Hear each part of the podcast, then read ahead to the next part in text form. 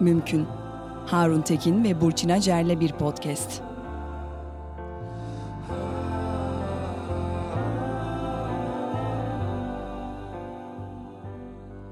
Ben Burçin Acar. Harun Tekin'le beraber Mümkün Podcast'in dördüncü bölümüne başlıyoruz. Harun nasıl gidiyor Tamiri Mümkün filminin Avrupa turnesi? Bu sefer e, doğru ve eksiksiz söyledim sanırım. Bildiğim kadarıyla Burçin e, bu bölüm yayınlanırken artık e, Avrupa'da da Türkiye'de de filmimiz vizyon yolculuğunu bitirmiş olacak.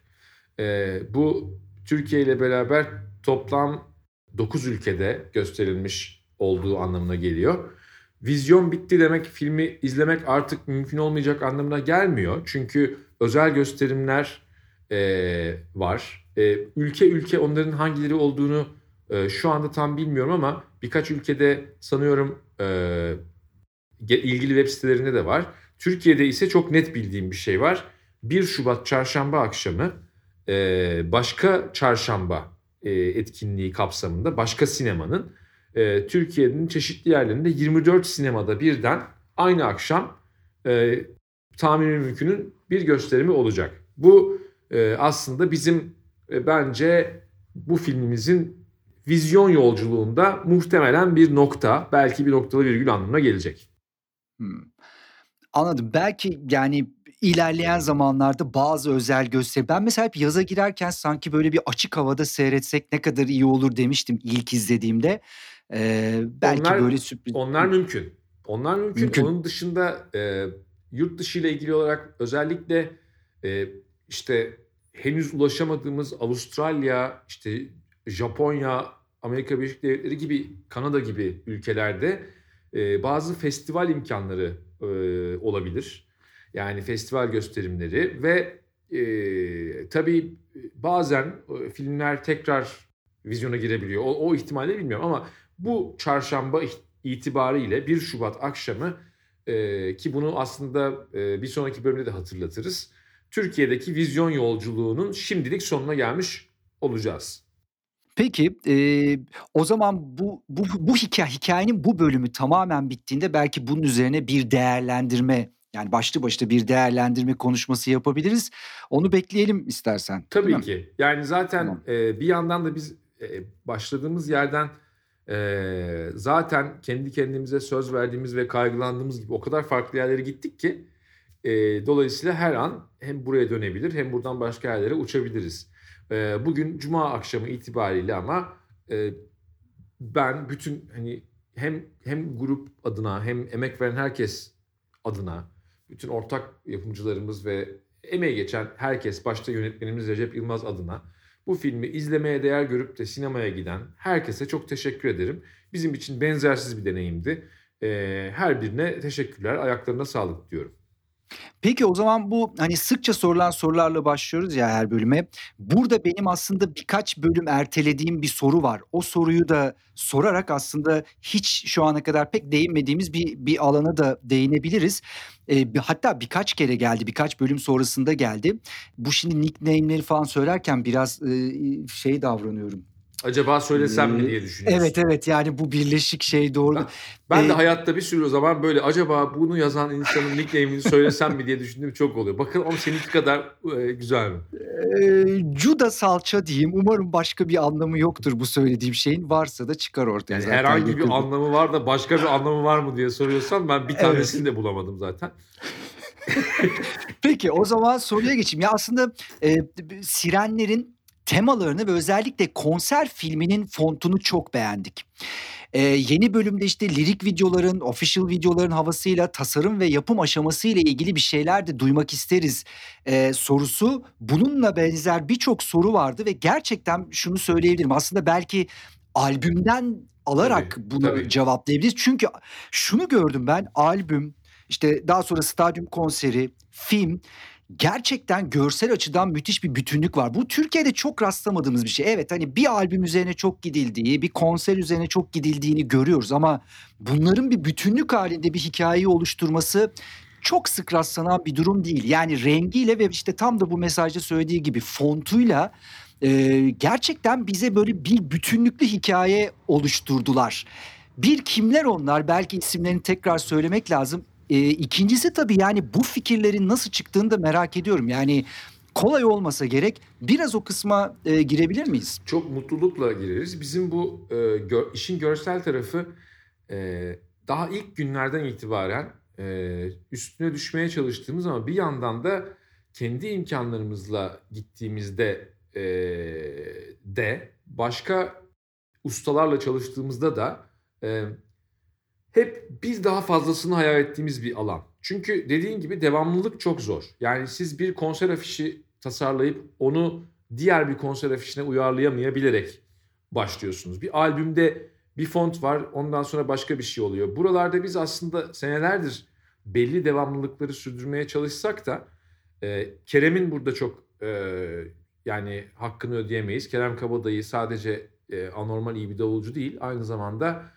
e, görsel sanatlara ilgisiyle ve e, özel olarak da video konusundaki ve fontlar, grafikle ilgili her her konudaki ilgisiyle e, bu konuda çok e, çok fazla şeyi halletmiştir zaman içerisinde. Hala da halletmeye devam ediyor bu arada. E, ikimiz de hep şeyi düşünüyoruz. Bizim halen yapmaya devam ettiğimiz o kadar çok şey var ki onları bir gün anlatırız belki. E, hani do it yourself ekolünden geliyoruz ama tam gelemedik oradan yani. Hala oradayız diye. Bu e, bu bu albüme ve bu filme gelen yolda ise çok şanslı bir şey oldu. E, Koray Doyran'la tanıştık. Koray Doyran e, şu anda e, işte 4129 Gray'in e, işte bütün e, görsel yani nasıl diyelim onu art direktörlerin e, hepsinin ustası olan e, önemli bir pozisyonda bir e, iletişimci ama çok e, bun, bundan öte çok bizi çok etkileyen bir sanatçı aslında. Yani ve kendisi bize ulaştığı günü umarım e, iyi yad ediyordur. Çünkü o günden itibaren biz onunla yapabileceğimiz her şeyi yapmaya çalıştık. E, onun hayalindeki şey e, umarım da söylememe kızmaz. Hala da hayalimiz olan bir şey. E, bir şarkı sözü kitabı. Şarkı sözlerinin tipografisiyle onun e, müdahaleleriyle oynanan ve anlamlarla formları birleştiren bir e, kitap. Bunu kısmen de CD tasarımında da örneklerini göstererek uyguladı. Ama Koray bunu söyledikten sonra biz de dedik ki ya bir dakika biz şu an bir albüm yapıyoruz. Acaba onun görsel tasarımında birlikte çalışabilir miyiz? Ondan sonra işte bizim hayatımızın en en mutlu ortak çalışmalarından bir tanesi başlamış oldu. Sirenlerin albüm tasarımı için bize yaptığı bir sunum vardı. O, o, o günü unutmamıza imkan yok her birimiz açısından. O gün yani sizin yaptığınız işe birisi o dikkatle baktığında üstelik yetmez bir de o yılların ustalığıyla o dikkati birleştirip böyle bir şeyler katmayı başardığında e, çok heyecanlanıyorsunuz. Yani çocuklar gibi şendik gerçekten. Çünkü şu anda gördüğünüz kadar etkileyici dört tane daha albüm kapağı fikri vardı. Ve e, hep herhangi bir tanesinden de gitsek çok iyi olacaktı. Ve bu bu sirenler tasarımıyla başlamak üzere yeni fontlar, ondan sonra işte konser afişinde tabii ki e, yani her yerde kullandığımız e, o görsel dilin bütünlüğü, o bizim bu arada Ali Soner'i de anmak lazım. Erken zamanlardan itibaren bizim aslında bir nevi görsel yönetmenimiz olarak o da albüm tasarımlarındaki şeyi sahneye yansıtmakta hala e, bu konuda çok mahir. Bizim sahnedeki ışık tasarımımızı ve görsel e, yönetimimizi üstlenen. E, ama tabii bunu bütün basılı malzemeye yansıtmak ve orada bir e, işte böyle bir bütünlüğü yakalamak Koray Doyran'la birlikte yakaladığımız bir şey oldu. Onu da yani bırakmıyoruz. Hakikaten işte film söz konusu olduğunda da e, filmin afişiyle ilgili olan çalışmada da bu sefer e, title credit diyorlar galiba. Yani filmin adının yazıldığı bir şey var. Yani o filmin adının logosu gibi bir şey oluyor. Onu da işte Koray'la çalışmış olduk. E daha öncesinden e, gelen şeylerle beraber şimdi Onu anmışken tabii ki Sami'yi de anlamak olmaz. Sami Basut da yine e, Türkiye'de iletişim dünyasının hali hazırda yaşayan efsanelerinden bir tanesi ve o da bizimle hem fikirleriyle hem e, o fikirlerin uygulaması aşamasında çok e, birebir çalıştı. Onların yanında Ataberk, e, İpek daha adlarını sayamadığım çok çok değerli insanlar hep. Yani bizim hatta şöyle söyleyeyim bu, bu insanlarla tanıştıkça moralimizin iyileştiği kadar yetkin ve iyi kalpli insanlarla tanıştık ve onlarla birlikte bir sürü şey yaptık. Bu bütünlük e, özellikle Sirenler gibi konsept albümün çok ihtiyacı olan bir şeydi. Onu anlatmaya, daha iyi anlatmaya, e, yer yer anlatamadığınız zaman da albümün kendini anlatmasına yarayacak doneler bunlar. Yani mavi ile kırmızının e, mesela albümdeki iki ayrı zamanı temsil etmesi. O zamanlar birleşince mor oluyorlar ve bunu kapakta siz bil, bil fiil görebiliyorsunuz. E, aynı zamanda ama hani sirenin bir yan anlamı olan e, bildiğimiz işte çakarlı siren sesi vardır ya işte ambulansın falan. E, onun da renklerinin kırmızı ve mavi olması. O ikisinin mitolojik sirenlerle böyle birleşmesi falan bunlar grubun biz bil fiil yaptığı müzikle bu müzik üzerine düşünmesiyle bu düşündüğü şeylerle bu insanlarla karşılaşıp onlarla beraber düşünmesiyle yani esasında çok büyük bir kolektif çalışmayla ortaya çıkıyor. Ee, nasıl ortaya çıkıyor onun da cevabını böyle söylemek istedim. Bu aslında başlı, başlı başına bir bölüm konusu olabilirmiş. Bu ekipten Koray ve Sami ile daha önce tanışma imkanım olmuştu. Gerçekten çok tatlı adamlar, çok yetenekli insanlar.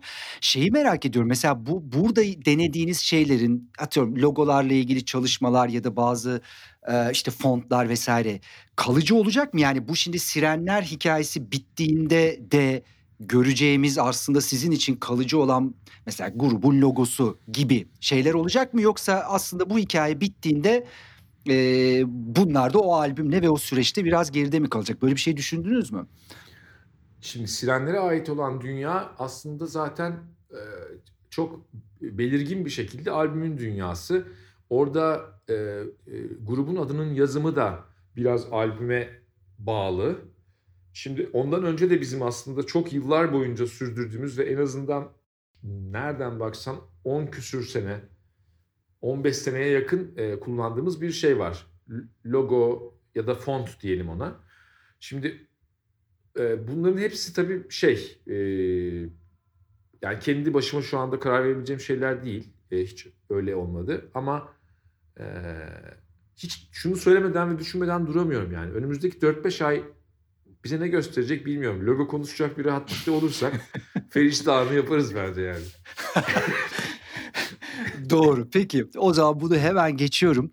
Geçen bölümde bunu konuşalım dediğimiz e, konuyu biraz konuşmak istiyorum. Biraz şarkılarla e, ilgili konuşmak istiyorum ama burada tabii bir çıkış noktamız var. o çıkış noktasını biraz açabilirim. E, YouTube'un bir albüm haberiyle aslında biraz da bu konunun içeriği benim açımdan şekillendi yani YouTube'un yeni bir albüm çıkarması çok önemli bir haber olmayabilir görece olarak ama şöyle tanıttılar.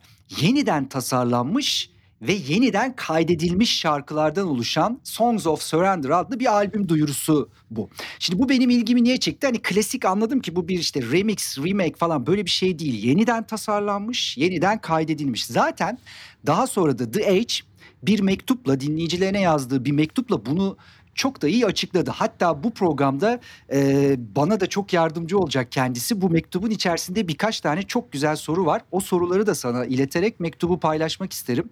E, şöyle diyor özetle tabii. Bir şarkı iyi bilindiğinde her zaman belirli bir sesle ilişkilendirilir. Mesela diyor işte Louis Armstrong'un eşsiz sesi olmadan All the Time in the World'ı hayal edemiyorum. Şu anda bile o kırçıllı ses hepimizin aklına geliyor.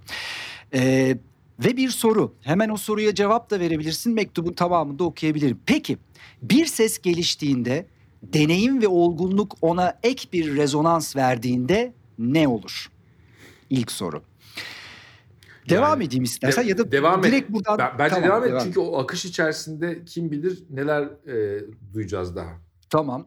Ee, diyor ki işte YouTube'un çalışmalarının çoğunu aslında anlatmak için biz bir grup gençken e, işte bu YouTube'un çalışmalarının çoğu için biz bir grup gençken yazıldı ve kaydedildi. Şarkıların yıllar içinde artık bizim için oldukça farklı bir anlam ifade edecek şekilde değiştiğini gördük. Bazıları bizimle birlikte büyüdü, bazılarını da geride bıraktık buradan birkaç sorum var sana e, soracak. Ama en başta bizi bu şarkıları yazmaya iten şeyi gözden kaçırmadık. O şarkıların özü hala içimizde. Ve bir soru daha. Ama yolumuza devam edip bu kadar büyüdüğümüzde bu özle nasıl yeniden bağlantı kuracağız? İkinci soru. Devam ediyor. Orijinal versiyonu olan saygımızdan vazgeçtiğimizde her şarkı bu zamanın şu anda olduğumuz insanların ve özellikle de Bono'nun dönüştüğü şarkıcının yeni ve otantik sesine açılmaya başladı. Ee, yeni yeni anahtarlar, yeni akorlar, yeni tempolar ve yeni sözler geldi ve daha sonra da umarım bu yeni yönümüzü beğenmişsinizdir. Buradan da birkaç soru tabii ki çıkar ama tekrar bir hemen başa doğru dönüp o ilk soruyla beraber bunu biraz değerlendirmek isterim ve tabii ki sizin grubun hikayesiyle de acaba örtüşen tarafları var mı? Ee, işte bir sesle e, bazı şarkıların ilişkilendirilmesi meselesi. Peki bir ses geliştiğinde buna deneyim ve olgunluk ek bir rezonans verdiğinde ne olur diye ilk sorusunu sormuş. Ne dersin buna? Öncelikle e, her e, müzik grubu için eğlenceli bir şey bu yaptıkları şey bence. Yani keyifli den öte eğlenceli bence. E, aynı zamanda da riskli. Çünkü ortaya çıkacak olan şeyi muhtemelen en çok kendileri sevecektir.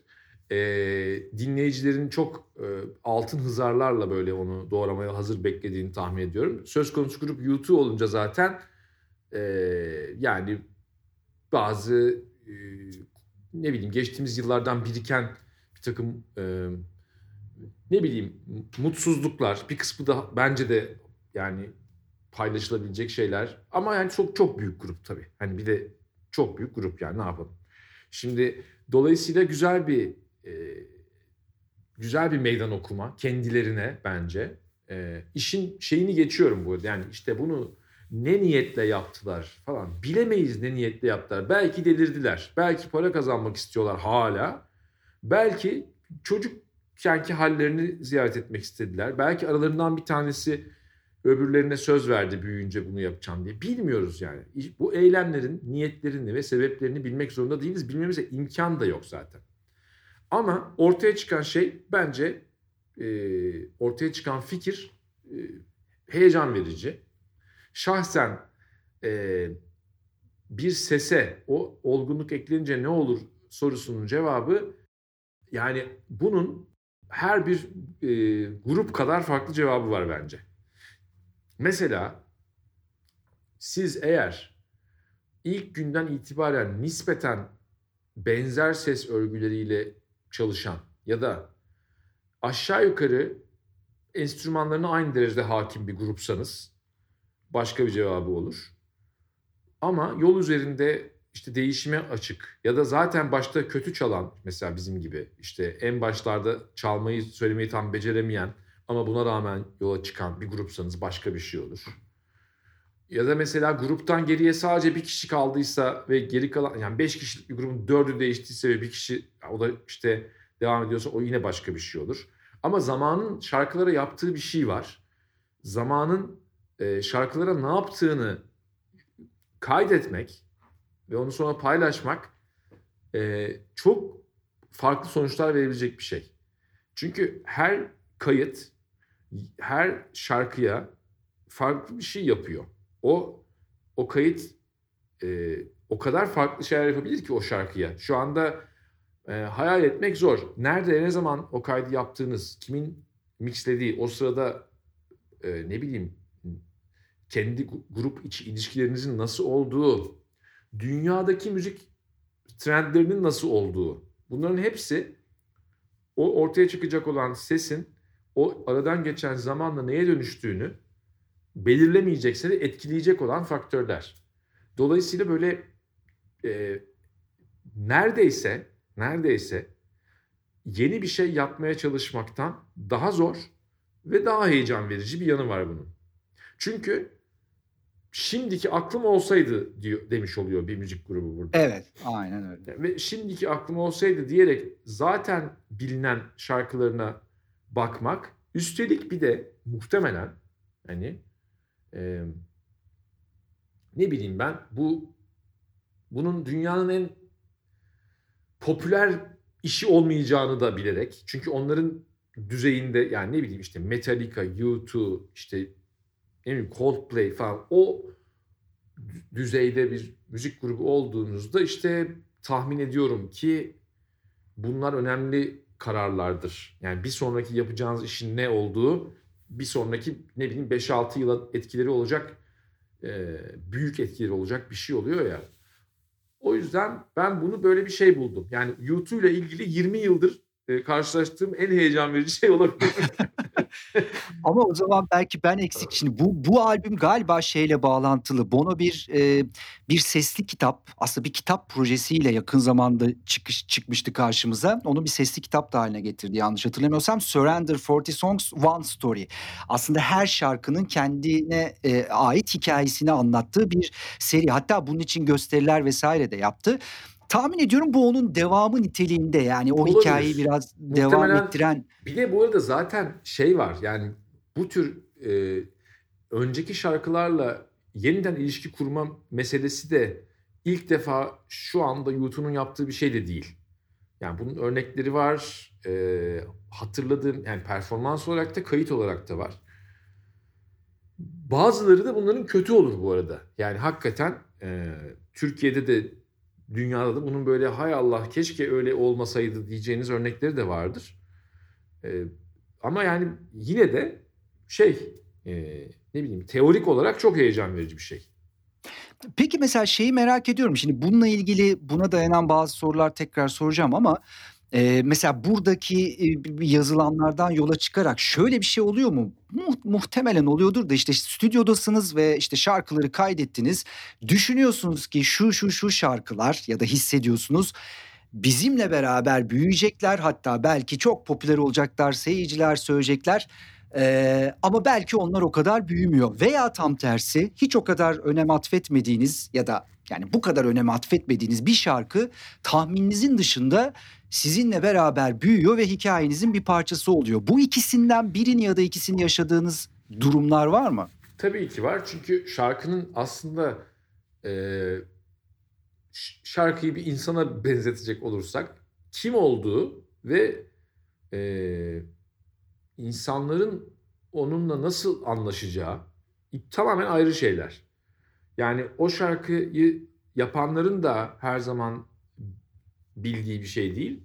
Hatta çoğu zaman bence bildiği bir şey değil. Yani bizim açımızdan da böyle albümü yaparken genelde işte bu şarkı var ya bu şarkı falan dediğimiz anları olmuştur ama üçüncü single hesap ederek falan bir şey yapmıyorsun tabii yani. Bence biz biz yapmadık. Yani biz biz öyle onu bilmiyoruz. Yani yapanlar vardır mutlaka. Ama mesela bu sebeple de herhalde e, yani o e, hangi şarkının daha sonra neye benzeyeceği, ne kadar popüler olacağı e, bizim e, kaydederken bildiğimiz, bilebildiğimiz ya da hesaplayabildiğimiz bir şey değil.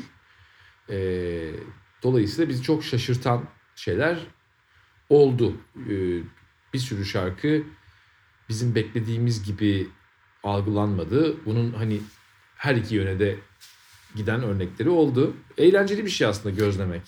Kimisi yıllar sonra bir şey oluyor böyle bir anda boy atıyor. Bir durup dururken e, hatırlanıyor. Bazıları böyle hiç beklemediğin yerden çıkıveriyor. Bunlar hep şey gibi kocaman bir crash gibi böyle. Peki örnek vermek ister misin? Yani e, şimdi geride bıraktığını değil de belki e, tahmininiz dışında büyüyenlerden bir örnek. Ya aslında sadece büyümek de değil yani nasıl büyüdü hmm. meselesi. Şimdi şey az önce konuştuğumuz şey birazcık şuydu hani hit olsun diye yaptık olmadı falan. O basitlikte bir şeyden de bahsetmiyorum. Yani en başa gidecek olursak yalnız şarkı ya biz e, yani klibini çektiğimiz sırada bunun ne bileyim 25 yıl sonra hala müzik yapmaya devam edeceğimizi falan ben hayatta düşünmezdim doğrusu. Yani düşünmezdim yani yapmayacağımızı da düşünmezdim ama yani 25 yıl sonrasıyla ilgili bir fikrim yoktu yani. Ee, veya yalnız şarkıyı anlattığım gibi mesela Uyan. Uyan'ı biz başka bir konserinde e, başında çalmıştık. Ya da artık hatırlamıyorum başında mı sonunda mı ama 2000 yılında Harbiye Açık Hava'da bizim ilk e, konserimizdi. Orada çaldığımız diye hatırlıyorum. Yine şöyle 96-97 civarında bir e, Sular Yükseliyor konseri vardı. Orada ben biz yoktuk diye hatırlıyorum ve o yüzden eğer bir müzik tarihçisi düzeltme yapar da yok siz daha önce çıktınız derse ona hayır demem. Çünkü artık paleolitik dönem oluyor ama 2000 yılında bir e, sanırım da bir e, nükleer karşıtı e, e, şeydi kampanyanın konseriydi. E, ve biz Uyan'ın e, şarkı sözlerini on, onu çok iyi hatırlıyorum. Yine çünkü Kerem'le ikimiz yaptık diye hatırlıyorum. 5000 tane renkli kağıda basıp bütün Harbiye'deki e, koltuklara dağıtmıştık. Uyan şarkısının şarkı sözlerini ve yanında da bir minik bir iki cümle daha bir şey. E, ve orada çalmıştık. Şimdi Uyan'ı o sırada çaldığımızda henüz Gülken'in albümü yayınlanmamıştı. Hatta kaydı başlamamıştı. Fakat Uyan Gülken'ine girmedi mesela. Ee, Uyan o o şarkı daha sonraki albüme girmeyi bekledi. Beklemiş. 2004'teki Dünya Yalan Söylüyor da var Uyan. Şimdi bunun gibi mesela Bir Derdim Var da böyle. Ee, yani bizim bazı şarkılarımız bazı zamanları bekliyor gibi görünüyor. Bunlar e, şarkıların yolculuğunun aslında sizle beraber yani şarkı dinleyiciyle buluşmadan önce de bir yolculuğu var aslında. Yazıldıktan sonra yayınlanana kadar olan yolculuğu. Orada da çok enteresan hikayeler var. İşte e, ne bileyim zamanını bekleyen şarkı bence çok şeydir. Hakikaten öyle bir şey vardır yani. Onları düşündürdü bana bu söylediklerin. Peki şimdi yalnız şarkı deyince aslında, eee, bayağı yine ayrı bir konu başlığı bence açmış oldun. Şimdi bu biraz önce The Age'in yazdığında şöyle bir soru vardı ya, işte, eee, biz bu yola devam edip, hani, bu kadar büyüdüğümüzde bu özle tekrar nasıl bağlantı kuracağız gibi bir soru vardı orada. Aslında belki bunu en iyi konuşabileceğimiz şarkılardan biri Yalnız Şarkı. Sizin ilk albümünüz. Eee, şehir albümü ve ben mesela yalnız şarkıyı hep şöyle görmüşümdür. Sonraki yıllarda da tabii sürekli dinlediğim şarkılardan biri. Aslında bize böyle Mor ve Ötesi'nin nasıl bir müzik fikri olduğunu anlatan belki de, eee, ilk şarkılardandı. Yani bu grup böyle bir grup dedirten bir şarkıydı benim için ve de Tabii çok acayip bir durum. Şimdi o şarkıyı dinlediğimizdeki yaşlar, sizin söylediğinizdeki yaşlarınız, hislerimiz ben çok iyi hatırlıyorum. Yani o benim hani herhalde o dönemler çok yalnız kalıyordum diye düşünüyorum. Çok dinlediğim ve başvurduğum şarkılardan bir tanesiydi. Ve böyle işte yıllar yıllar sonra şimdilerde bu son yıllarda dinlediğimde Oradaki duyguyu bana hatırlatıyor. Çok enteresan bir gitgeli var bu yalnız şarkının. Birçoklarının belki gözünde de ya da hayatında da böyle bir şey anlam ifade eder ama söyleyen olarak sendeki durumunu da merak ediyorum. Şimdi o hep senin dediğin bir şey var. Bizim ilk kayıtlarımız çok hoşlanmıyoruz işte şarkı söyleme, çalma. Yok hoşlanmıyoruz değil, çalamıyoruz, söyleyemiyoruz dedim. Ha, Hoşlanıyorum tamam mesela. peki tamam öyle düzeltelim. Bu şarkı aslında o döneme ait bir Evet. şarkı. Sen mesela ben dinlediğimde ben gidiyorum 20'li yaşlarıma sokakta böyle kulağımda bunu dinlerken kendimi görüyorum. Yalnızım ve tesadüfen diye böyle bir şeyim var. Haykırışım var. Sen dinlediğinde sana ne hissettiriyor şu an yalnız şarkı? Yani uzun zamandır o kaydı dinlemedim tabii. O yüzden e, ne hissettirir e, diye düşünebilirim. Ama şeyi dinledim geçen gün. E, akustikhane kaydını. 2010 ya da 11 olması lazım. Orada mesela biz iki akustik gitar, bir akustik bas yanılmıyorsam bir de davul yine dördümüz çalıyor. Yani bu, yine dördümüz derken tabii şöyle bir ayrıntı var. O zaman ta ilk kadromuzda Derin ve Alper var. O dört çalıyoruz. Sonra şimdi yıl 98'den beri Mor Ötesi olan Burak, Kerem, Kerem Harun çalıyor 2011'de. Ee, ve mesela o kayıt çok enteresan bir kayıt. 2011'deki YouTube'da var. O Yani o kayıtta mesela e, duyduklarımı aslında henüz anlatamam. Yani onu, onu daha bir 10 yıl sonra falan anlatabilirim yani o kayıtları Nasıl? duyduğum. Çok enteresan şeyler duyuyorum o kayıtta. O kaydın yapıldığı zamanla ilgili ondan sonra bizim o sırada ne hissettiğimizle ilgili ve çok e, fişek gibi çaldığımız bir kayıt bence. Yani gerçekten. Bu da şeye göre bir kontrast yani albüm kaydına göre. E, yalnız şarkı benim için çok tabii şey bütün hayat yolculuğunu değiştiren şarkı yani. Ben o albümde başka bir tane daha şarkı söylüyorum hatırladığım kadarıyla. O, o, o albümdeki e, esas şarkıcı bile ben değilim yani. Yalnız şarkı diye bir şarkıyı yazmış olmasaydım ben şu anda şarkıcı da değildim zaten. Yani o bakımdan öyle bir öyle bir kırılma ki o yani o hani işte Sliding Doors falan gibi filmlerde oluyor böyle öyle olmayı da böyle olurdu falan. Hakikaten öyle bir şey. Ve e, faktörleri işte düşünüyorum yani onu yapmamıza sebep olan şey aslında e, fazlaca İngilizce şarkımız var, az Türkçe şarkımız var. Türkçe şarkımız e, daha çok olursa bu albüm daha anlamlı olacak gibi bir şeyle biz hakikaten albümün anlamlı olmasına yol açacak bir şey yapmışız yani. Yalnız şarkının ve Sabahın Köründe'nin olmadığı bir versiyondu çünkü ilk bizim düşüncemiz albüm olarak şehirde. Ve işte oradan buraya gelince böyle bir şey oluyor. Veya son mesela gündeme dair bir şey söyleyeyim. Tamiri mümkün mesela. Tamiri mümkün kalbinin e, bir Burak Güven şarkısı. E, Burak o şarkıyı ilk dinlettiğinde ben e, zaten aşık olmuştum. Ama mesela oradan filme giden yol böyle hani hesaplasan olacak bir şey değil. Yapmaya çalışsan yapamazsın aslında. Bir yandan bir sürü planladığınız şey oluyor hayatta. Bir yandan da başınıza o planları hayata geçirmeye çalışırken gelenler oluyor. Ee, bütün bunların sonunda da e, işte o şarkıdan o filme giden bir yol oluyor. Ee, o şarkının filmin adı olmasından öte o şarkının aslında bizim insanlara söylediğimiz bir şey olmasının en güzel taraflarından bir tanesi. Ee, biz o şarkıyı çalıp söylediğimiz sırada kendi kalbimiz kırıktı. Yani grubun kendi içinde e, kalbimiz kırıktı. Biz 2011-12 zamanlarında e, şimdiki gibi veya ondan önceki gibi bir halde değildik. Yani zor bir dönemdi o güneşi beklerken dönemi. Ve o şarkıyı da işte çalıp söylerken bir yandan kendimize söylüyorduk. Hep öyledir ya bir yandan aslında. Yani böyle şarkıların öyle bir hali vardır.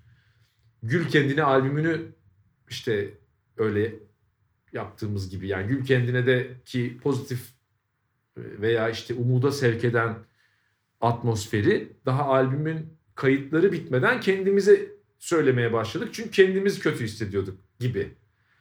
Ee, böyle yolculukları var işte şarkıların. O bakımdan hani yeniden kaydetmek, yeniden kaydetmek olmasa bile e, hepsi zaman içerisinde e, farklı farklı yerlere gidiyorlar. Ee, ya şimdi söylediğin şarkıların hepimiz üzerinde, dinleyiciler üzerinde de farklı etkisi var. Bu tamiri mümkünle, tamiri mümkün kalbinle ilgili işte o bavuldaki röportajda söylemişti. Hani sizin seyircilerinizle olan tabii ki dinleyicilerinizle olan ilişki bu şarkıların kazandığı anlamda çok önemli. Bunu da en belki net ifade ettiğiniz konulardan bir tanesi bu. İşte boş yere yorulmadı kalbine bağladı dinleyici aslında bu tamiri mümkün kalbini. E, ve bunu şey yaptı, dinleyici yaptı, seyirci yaptı. Park şarkısından bahsediyorum.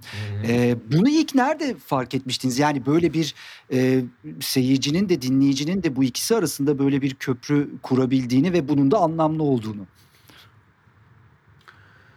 Yani ilk nerede fark etmiştik? Ee, herhalde o röportajda fark etmiştik. O kadar da e, şey değil çünkü. Hani biz AI olmadığımız için orada kalbin yazmıştık, burada da kalbin yazmıştık. Bunlar bağlıdır falan. Öyle bir şey olmuyor yani. Değil. Ama e, sanıyorum hani senin sayende belki de diyelim o senin vesilenle e, şey yaptığın e, fark ettiğimiz bir şey oluyor. Ama çok da sürpriz değil çünkü bizim hep e, bütün şarkıların metinlerinde hatta yapmaya çalıştığımız her şeyde birbiriyle yan yana giden iki tane şey var. Bir tane böyle yani aktivizm diyebileceğin işte politik diyebileceğin bir kulvar var. Ee, insanın kendi dışına doğru olan bir şey o. Bir de böyle daha ruhani, daha içe dönük, insanın içine doğru olan bir, bir alan var.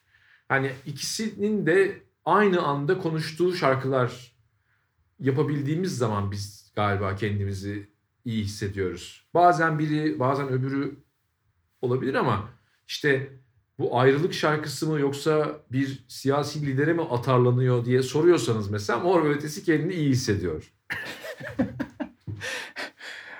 O zaman mesela şey e, aslında mesela Uyan şarkısı tam siren yani tam sirenlere de hiç olmasaymış yayınlamasaymışsınız da alıp sirenlere koyabileceğiniz belki sözleri itibariyle işte gittiği yer itibariyle sanki Uyan ama bir taraftan da acı bir durum tabii. Yani Uyan işte ne 2000 2004 2004 2005 yani dünya yalan söylüyor. Hı. Sirenler çıktı 2022 ama yani o kadar söylemek... acı bir durum değil çünkü sirenlerin değil hikayesinin hani yüzlerce binlerce yıllık bir dönemi kapsadığını düşünürsen hala yani orada da hani anlattığına göre işte yani akaların şanı şerefi duy sesimizi işte biz falan diye anlatıyor. Hala orada işte şarkı söyleyerek kendini anlatmaya çalışan bir takım kadınlar ve onları ancak onları duyarsa pert olunca hani kurtulabildiğim bir takım güçlü erkekler var e, hani çok fazla da o kadar hani 20 yıldan değil de hani 20 yıldan şikayet edecek bir durumumuz olmayabilir yani onu söylüyorum. Bir de e, Gül Kendine ile e, mesela Uyan'ın bir ilişkisi vardı dedim ya. Yani Uyan Gül Kendine olmadan önce vardı ama o albüme girmedi diye. Orada Gül Kendine ile Sirenler arasında bir bağlantı kurabiliyorum. Ve şöyle kuruyorum. Aslında Gül Kendine de bizim bu kadar tasarlanmış olmasa da e, konsept albüme çok yakın diyebileceğimiz bir özellik taşıyan bir albümümüz ve onun içerisinde e, nasıl uyan o kadar net tınlamıyorsa ben de sirenlere değil de mesela muhtemelen e, sirenlerden sonra çıkacak olan şey neyse ona e, uygun görürdüm uyanı. Çünkü biraz durum tarifi yapan, biraz daha ya bilmiyorum o tabii çok zevkli tartışmalar bunlar. Ee, Gülken'ine de başka bir enerji var. Gülken'i dinlerseniz yani orada e, ya bunun nasıl olduğunu hatırlamıyorum. Hoparlörü düşün. Karşında bir hoparlörden sana doğru böyle müzik geldiğini. Sonuçta fiziksel bir mesafe de var aranda ama bir yandan da bir böyle başka türlü bir mesafe de var. Oradan sana bir şey söylüyor birisi o mesafenin ne kadarında dinleyicinin kulağına kadar yaklaşıp da söylediğin, ne kadar dinleyicinin kulağını sana yaklaştırdığı çok önemli bir fark. Bir tanesinde sen gerçekten mesela uyan birazcık daha dinleyicinin artık kulağına yaklaşıp böyle bağırdığın bir tür bir şarkı. Ee, Gülken'e de bence Sirenler'deki çoğu şarkıda dinleyicinin kendilerine yaklaşmasını bekleyen türden şarkılar. Ee, bu bakımdan da mesela hani belki bak şimdi konuşacak bir şey daha çıktı Burçin ama ne yapıyoruz biz? iki saate gidiyoruz böyle. Olacak iş değil. Süreye bakma Harun boş ver de. Yok yani diğer bir yandan hakikaten. Bir fikir geldi aklı sen belki konuşuruz diyeceğini onu söyle. O, onu ben merak ederim şimdi. Ya şarkıların versiyonlarının neye benzeyebilecekleri üzerinden de bu konuşmalar yapılabilirdi. Yani Mesela 2012 diye bir şarkımız var bizim. Masumiyetin Ziyan Olmaz albümünde. Ben onu hatta hakikaten şey diye sunmuştum bir konserde. O öyledir de. 2010 yılında küçük bir fütüristik şarkı yapalım dedik. Yani 2012 yılına dair.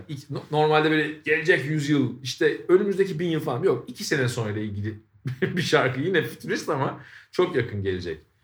2012 şarkısı bizim için şeydi. Biz böyle ya bu ne kadar güzel oldu böyle. İşte tam o az önceki konu. Yani bunu herkes çok sevecek. Zaten işte e, ritmi böyle, melodisi şöyle falan konuştuk, konuştuk. Ondan sonra albüm çıktı. Şeyi fark ettik. Müzisyenler seviyor. Müzisyen olmayanlar neredeyse ilişki bile kuramıyorlar şarkıyla. Ama mesela profesyonel müzisyenler, işte müzikle çok ilgilenenler, müzisyen arkadaşlarımız falan seviyor. Ama böyle 2012 halk arasında bir heyecan yaratmadı yani şimdi doğruyu söylemek gerekirse. Sonra 9 sene sonra bu şeyi yaptık. Ee, daha doğrusu 8 sene sonra senfonik konseri yapmaya başladığımızda 2012'yi mutlaka yapalım istedik. Bir de korolu olan şarkılardan biri olsun diye bir karar var orada mesela. Neden? Çünkü 2012'nin içerisinde albümün adını söylüyorum ben. Normal kayıtta da duyabilirler. Masumiyetin ziyan olmaz. O masumiyetin ziyan olmaz lafını Masis'in büyük korosu söyleyince nasıl olur bunu duymak istedik.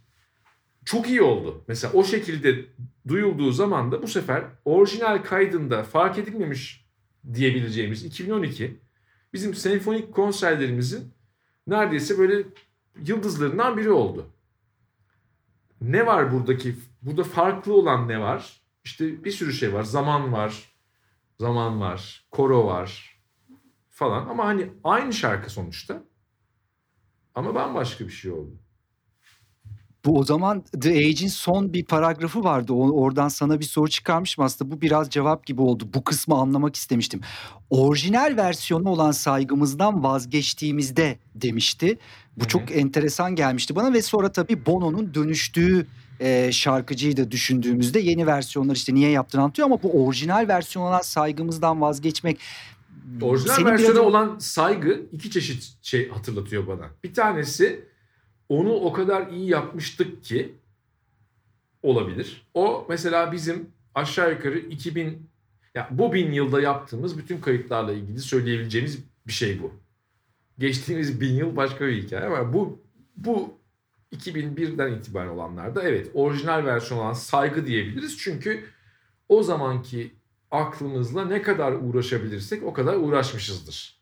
Ve o, o, o zamanki kendimize e, saygı duyuyoruz oluyor bu bizim örneğimizde. Onlar da bunu kastediyordur muhtemelen. Bir de ama şu olabilir. Ee, ya bunlar ne kadar iyi böyle değil de ya bunlar ne kadar kusurlu, ne kadar hatalı, ne kadar tuhaf ve ne kadar gerçekler. Ya bir de o şekilde saygı duyabilirsin ki e, ben de zaten bunların bir kısmını o şekilde de saygı duyuyorum. Yani 2001'den sonra biz mükemmel çalıp söyledik anlamına gelmiyor söylediğim şey. Sadece aklımızdakini elimizdeki yollarla en iyi şekilde ifade ettik anlamına geliyor. Önceki dönemde e, aklımızdakiyle ifade ettiğimiz arasında e, bir takım farklar olduğunu duyabilirsiniz zaten. E, saygı duymak o yüzden bir otantik bir şeye saygı duymak var. Bir de hani zaten onun daha iyisini yapamam diye düşünmek var. Her ikisi de kabul edilebilir. Her ikisinden vazgeçmek de kabul edilebilir. Burada tabii bir de şarkıcının dönüşümünden de bahsediyor. Onu senle o, arada sırada...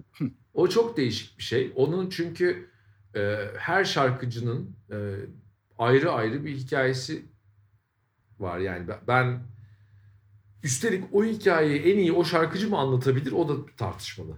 Yani ben, ben şimdi size desem ki ben işte şöyle oldu böyle oldu yani ne bileyim malları görelim demeniz lazım. Yani hani sen şimdi şarkı söylemeyen birisi de olsan, dinleyici olsan benim kendimle ilgili söyleyeceğim bir şey çok tuhaf olabilir ve sen ya hadi canım diyebilirsin ve haklı da olursun yani. Dolayısıyla o hikaye biraz dinleyicinin e, hatta senin en yakınındaki müzisyen kader arkadaşlarının yani daha iyi bilebileceği bir şey. E, o yüzden o benim benle ilgili söyleyebileceğim bir şey değil. Ama şeyi söyleyebilirim. Her şarkıcının e, gerçekten zaman zaman akıllara durgunluk veren e, değişiklikler içeren, e, zaman zaman da müthiş bir istikrar içeren e, yolculukları oluyor. Yani kimisi de gerçek. Yani şimdi Türkiye'den örnek verecek de olabilirdik mesela. Sertab Erener yani onu duyduğumuz andan beri çok iyi şarkı söylüyor yani. Yani hiçbir zaman çok iyi şarkı söylemediği olmadı. Yani, ama onun da kendi içinde başka yolculukları vardır.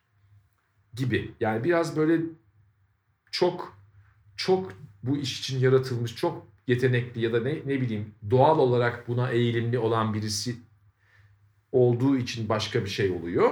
Ama başka birileri de başka yollar yürüyorlar gibi.